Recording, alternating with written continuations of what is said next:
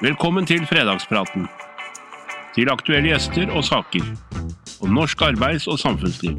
Hver uke, hver fredag. Fra arbeidstakerorganisasjonen Delta.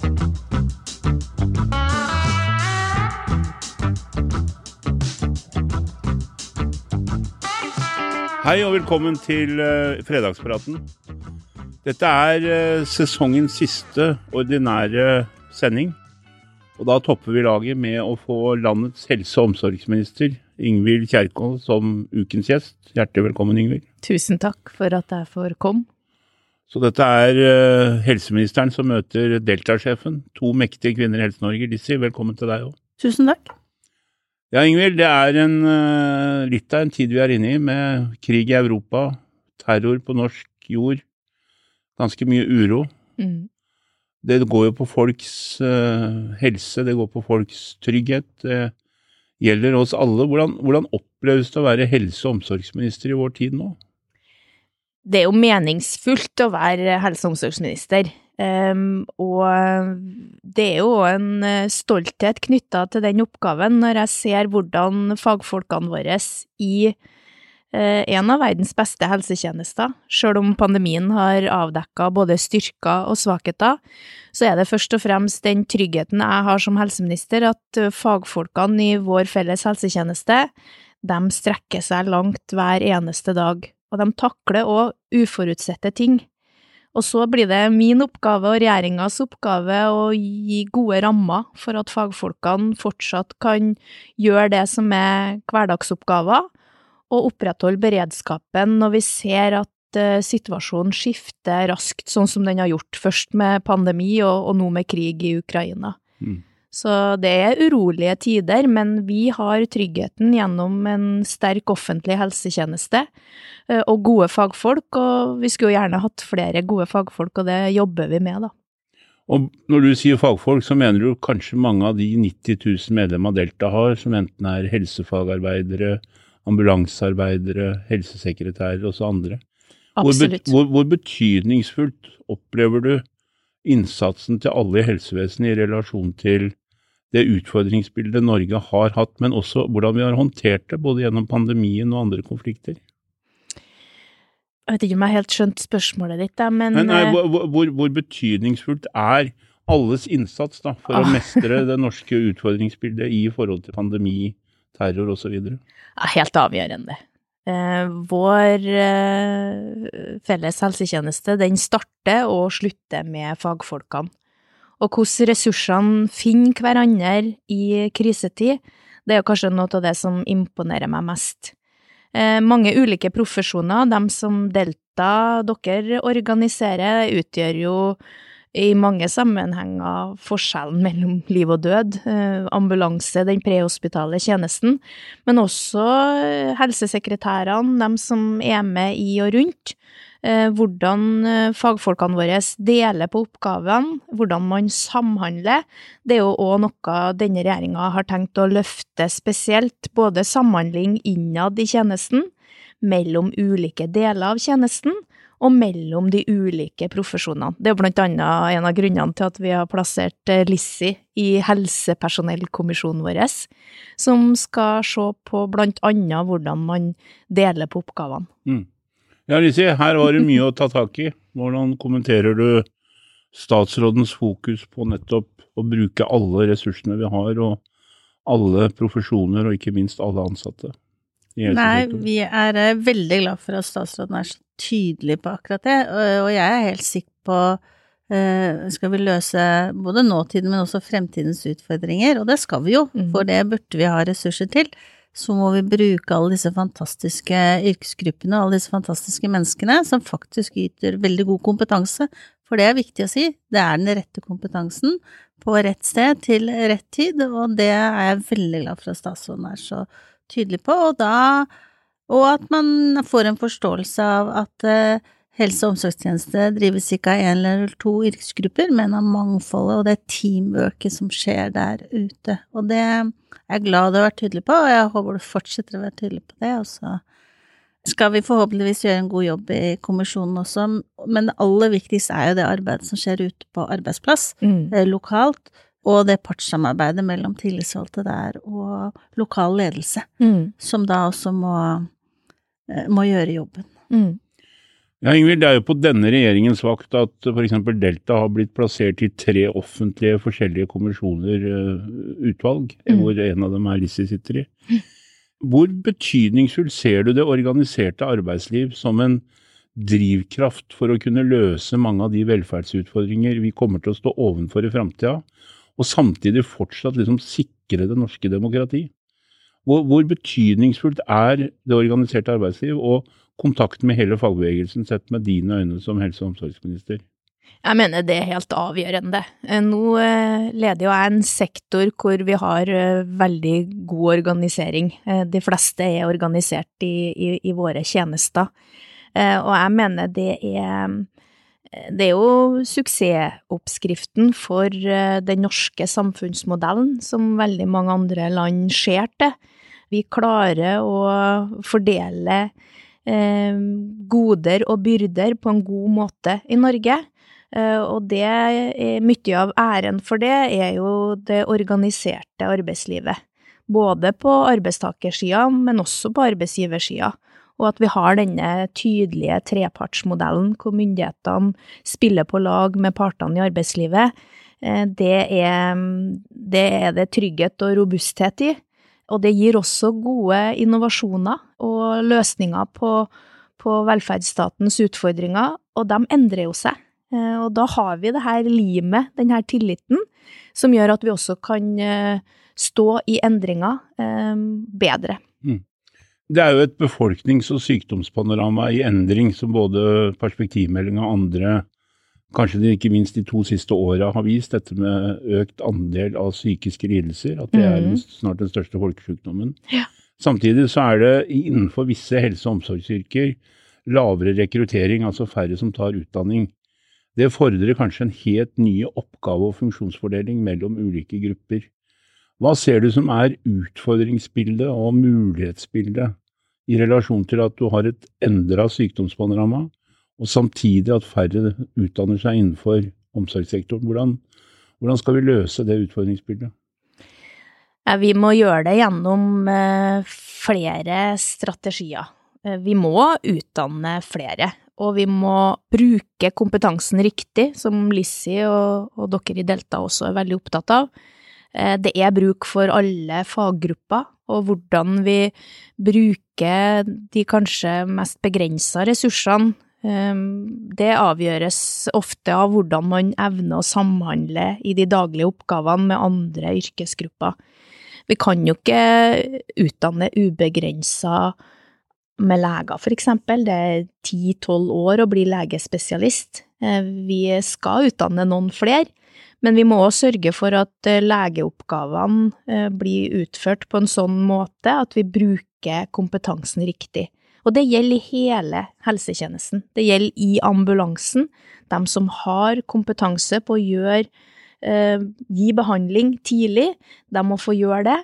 Eh, og så var jeg i Telemark i går, og der fikk jeg presentert eh, akuttkjedeprosjektet i Telemark. Det kjenner sikkert eh, dere også til.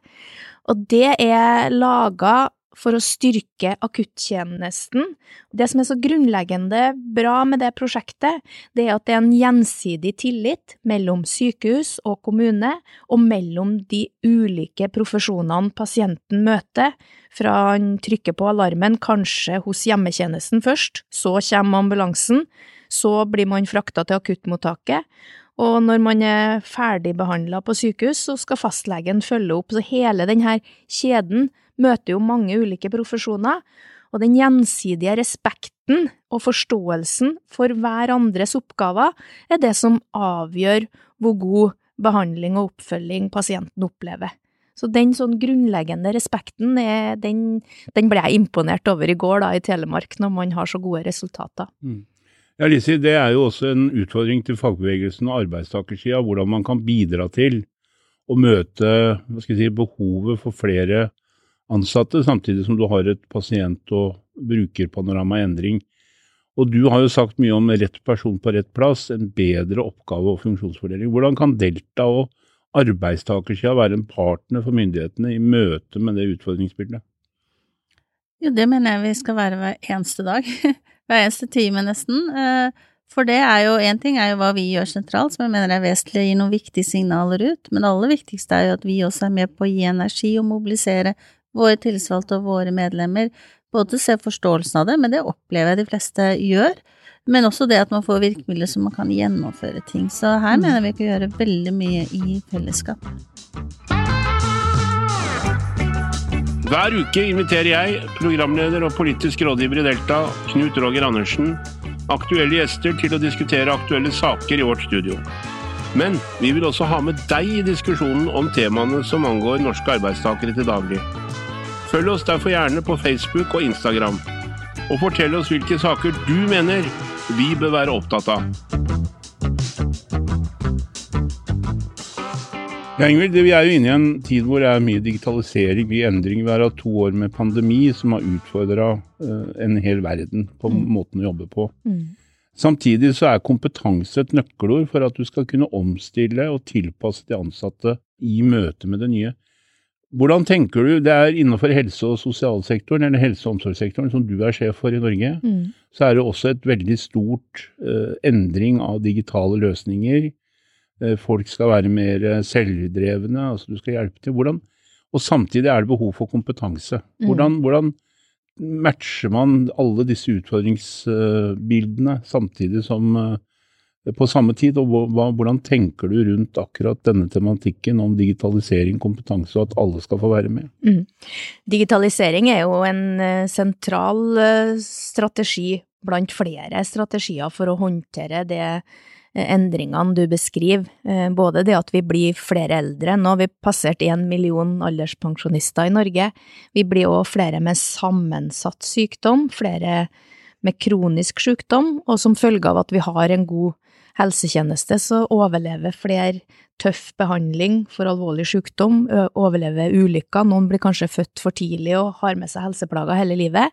Og det er klart det å, å ha bedre digitale løsninger for å få til god samhandling og sammenhengende pasientforløp, eh, det er sentralt. Eh, Det her akuttkjedeprosjektet som jeg fikk presentert i går, de har lyktes veldig godt, men de har fortsatt det felles skjemaet på papir. Sant? Det kunne ha vært eh, en digital løsning. Tjenesten er 24-7 når LIS sier at vi bidrar, Delta sine medlemmer bidrar hver dag, hver time, så er jo det sant. Og det er ikke alle som er på jobb samtidig. Så vi har behov for at vi har digitale løsninger som sikrer samhandling og flyt kontinuerlig, uavhengig av hvem som er på jobb til enhver tid.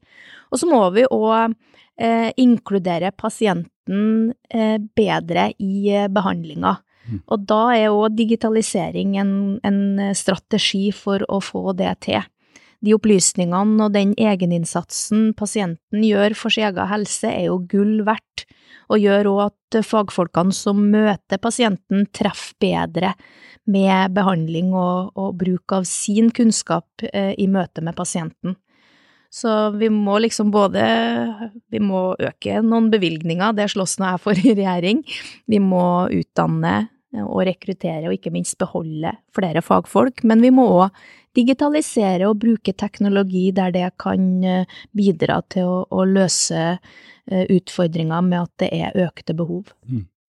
Ja, Lissi, du er jo i bånn utdannet som legesekretær, som det het for 30 år siden når du starta, og er helsesekretær nå. Du har vært med hele den reisa. Altså, kompetanse i dag.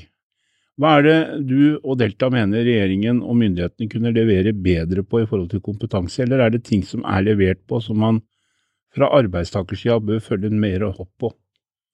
Først vil jeg si at kompetanse tror jeg er det essensielle for framtid. Eh, Og kompetanseutvikling og livslang eh, læring er det som må til i en helt annen grad enn det vi har sett tidligere. Nettopp fordi at utviklingen går så fort. Altså hastighetsgraden er Knappen er blitt skrudd, og den kommer til å bli skrudd enda mer i forhold til hva som blir forventet av våre medlemmer, og, og alle som er der ute og skal levere gode tjenester. For det er jo derfor man går på jobb. Mm. Eh, så det, det tror jeg liksom Og jeg tror kanskje da så det med kompetanseutvikling hele livet, kompetanseutvikling nærmere arbeidsplass. Eh, jo mer digitalisering, jo mer må du kunne om det. Du må jo vite det, du må jo kunne bruke det. Det må settes av tid til det, det må legges til rette for det. Eh, Man, man må ha mulighet til å henge med i disse svingene som kommer til å gå fort. Og det mener jeg partssamarbeidet ute skal være med på å bidra til.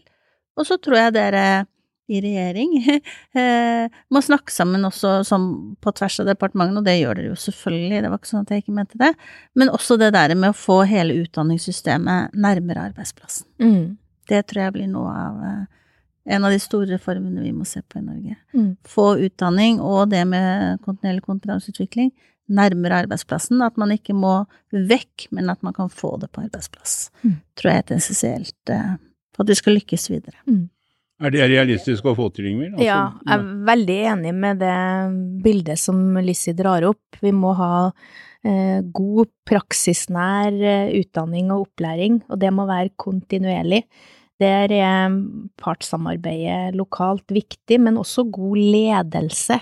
Det å få til godt fagmiljø er grunnleggende for å få til denne faglige driven, hvor det er stimulerende og positivt å fylle på sin kompetanse kontinuerlig.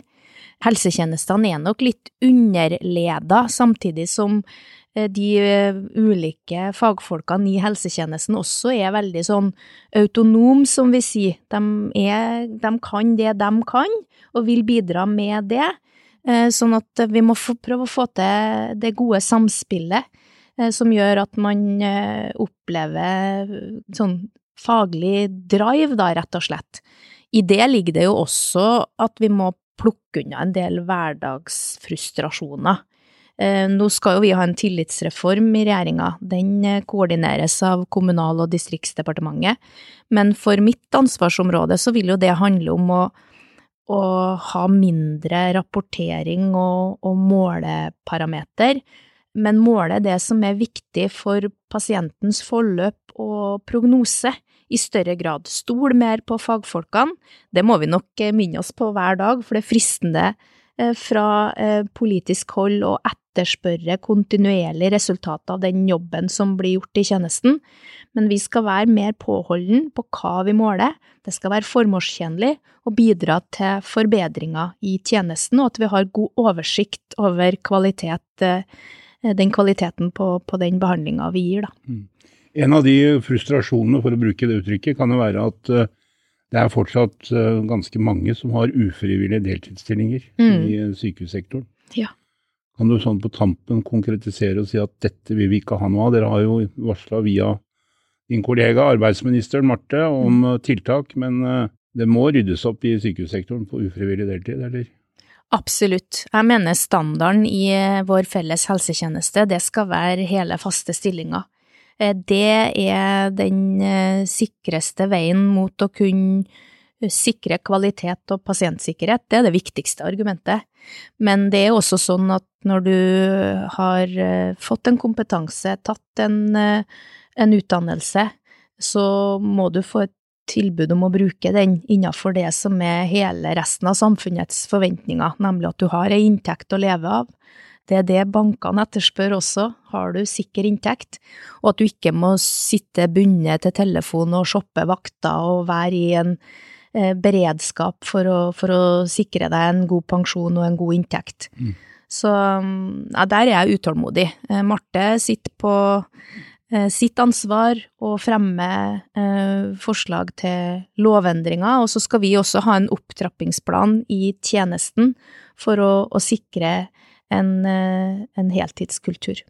Her er du en alliert, Lisi. Du har delta med Ingvild og regjeringa. Ja, og det er jeg veldig glad for. For jeg tror det tydelige signalet som kommer nå, er helt essensielt for å få det til. Det er jo sånn at partene, kanskje særlig kommunal sektor, vi har jo prøvd det gjennom mange år og ikke har ønsket det, men ikke helt fått det til. Jeg tror vi må erkjenne det. Så vi trenger de tydelige signalene, og så trenger vi det partssamarbeidet å bli hørt. Jeg tror vi har noen gode ideer til hvordan vi skal få det til, eh, fordi vi kjenner og er for de som er der ute, og så må det skje lokalt. Mm. Gjennom tillitsvalgte og ledelse. Ja. Det har jeg tro på. Ja, det har jeg å tro på. Ja, Ingvild. Det er god helse i sommer, ferie, sol. Eh, Nå er det ferie også for helseministeren og for Delta-lederen. Mm. Du bør ikke røpe ferieplanene, men eh, hva er eh, ønsket for sommeren, for å si det sånn? Ønsket er jo at det blir en rolig, fin sommer. At det ikke skjer ting som gjør at vi må mønstre på. Det tror jeg vi alle er opptatt av. Det har vært to år med pandemi. I tillegg så har vi tatt imot uh, flyktninger. Vi har en beredskap knytta til situasjonen i Europa med krig i Ukraina. Uh, vi er jo blant de landene som har tatt imot og behandla flest såra soldater, så helsetjenesten gjør jo også en innsats for eh, pasienter fra Ukraina. Så mitt ønske er jo at det blir en rolig sommer, da. Eh, og at vi slipper å trykke på noen store røde knapper og måtte iverksette den beredskapen vi er trygge på at vi har, men som òg trenger å ta seg igjen og ha noen rolige perioder for å, å være eh, optimal når ting skjer. Mm. Mm. Tusen hjertelig takk, Ingrid Kjerkol, for at du i en veldig krevende tid kommer til fredagspraten. Lykke til med det du gjør og står i. Riktig god sommer. Takk, Lisi, for at du stilte opp på den siste ordinære fredagspraten i Fredagspratens historie.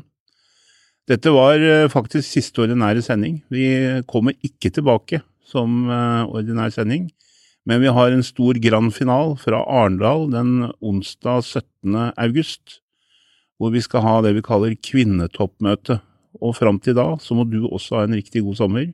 Takk for at du har fulgt oss disse snart to åra. Ta vare på flokken din, og ta vare på deg selv. Takk for oss. God sommer. God sommer. Takk for at du lyttet til Fredagspraten. Hvis du har lyst til å vite mer om Delta, så kan du besøke vår hjemmeside www.delta.no, eller også finne oss på sosiale medier. Du finner lenken i episodebeskrivelsen. God fredag og god helg!